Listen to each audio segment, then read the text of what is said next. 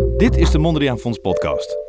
Een podcastreeks waar we de verschillende financieringsmogelijkheden voor de beeldende kunst en erfgoedsector belichten, zodat je weet wat we mogelijk maken. In de eerste aflevering zetten we de startende kunstenaar centraal. We bespreken een paar belangrijke eerste stappen in de carrière van een beginnende kunstenaar. We vragen Johan Gustafsson hoe je in het vizier komt van een curator. Doe je eigen ding. Kijk niet te veel aan wat andere mensen aan het doen zijn. Ook vragen we Niek de Bruin van Upstream Gallery hoe je een galerie vindt die bij jou past. Ga niet galeriehouders benaderen op een kunstbeurs. Ga niet galeriehouders benaderen op de opening van een tentoonstelling. En uiteraard komen de kunstenaars ook zelf aan het woord.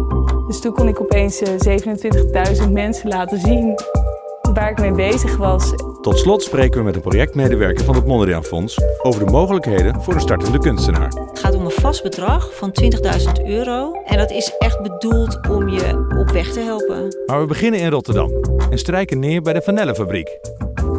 Bij de tentoonstelling Prospects tijdens Art Rotterdam.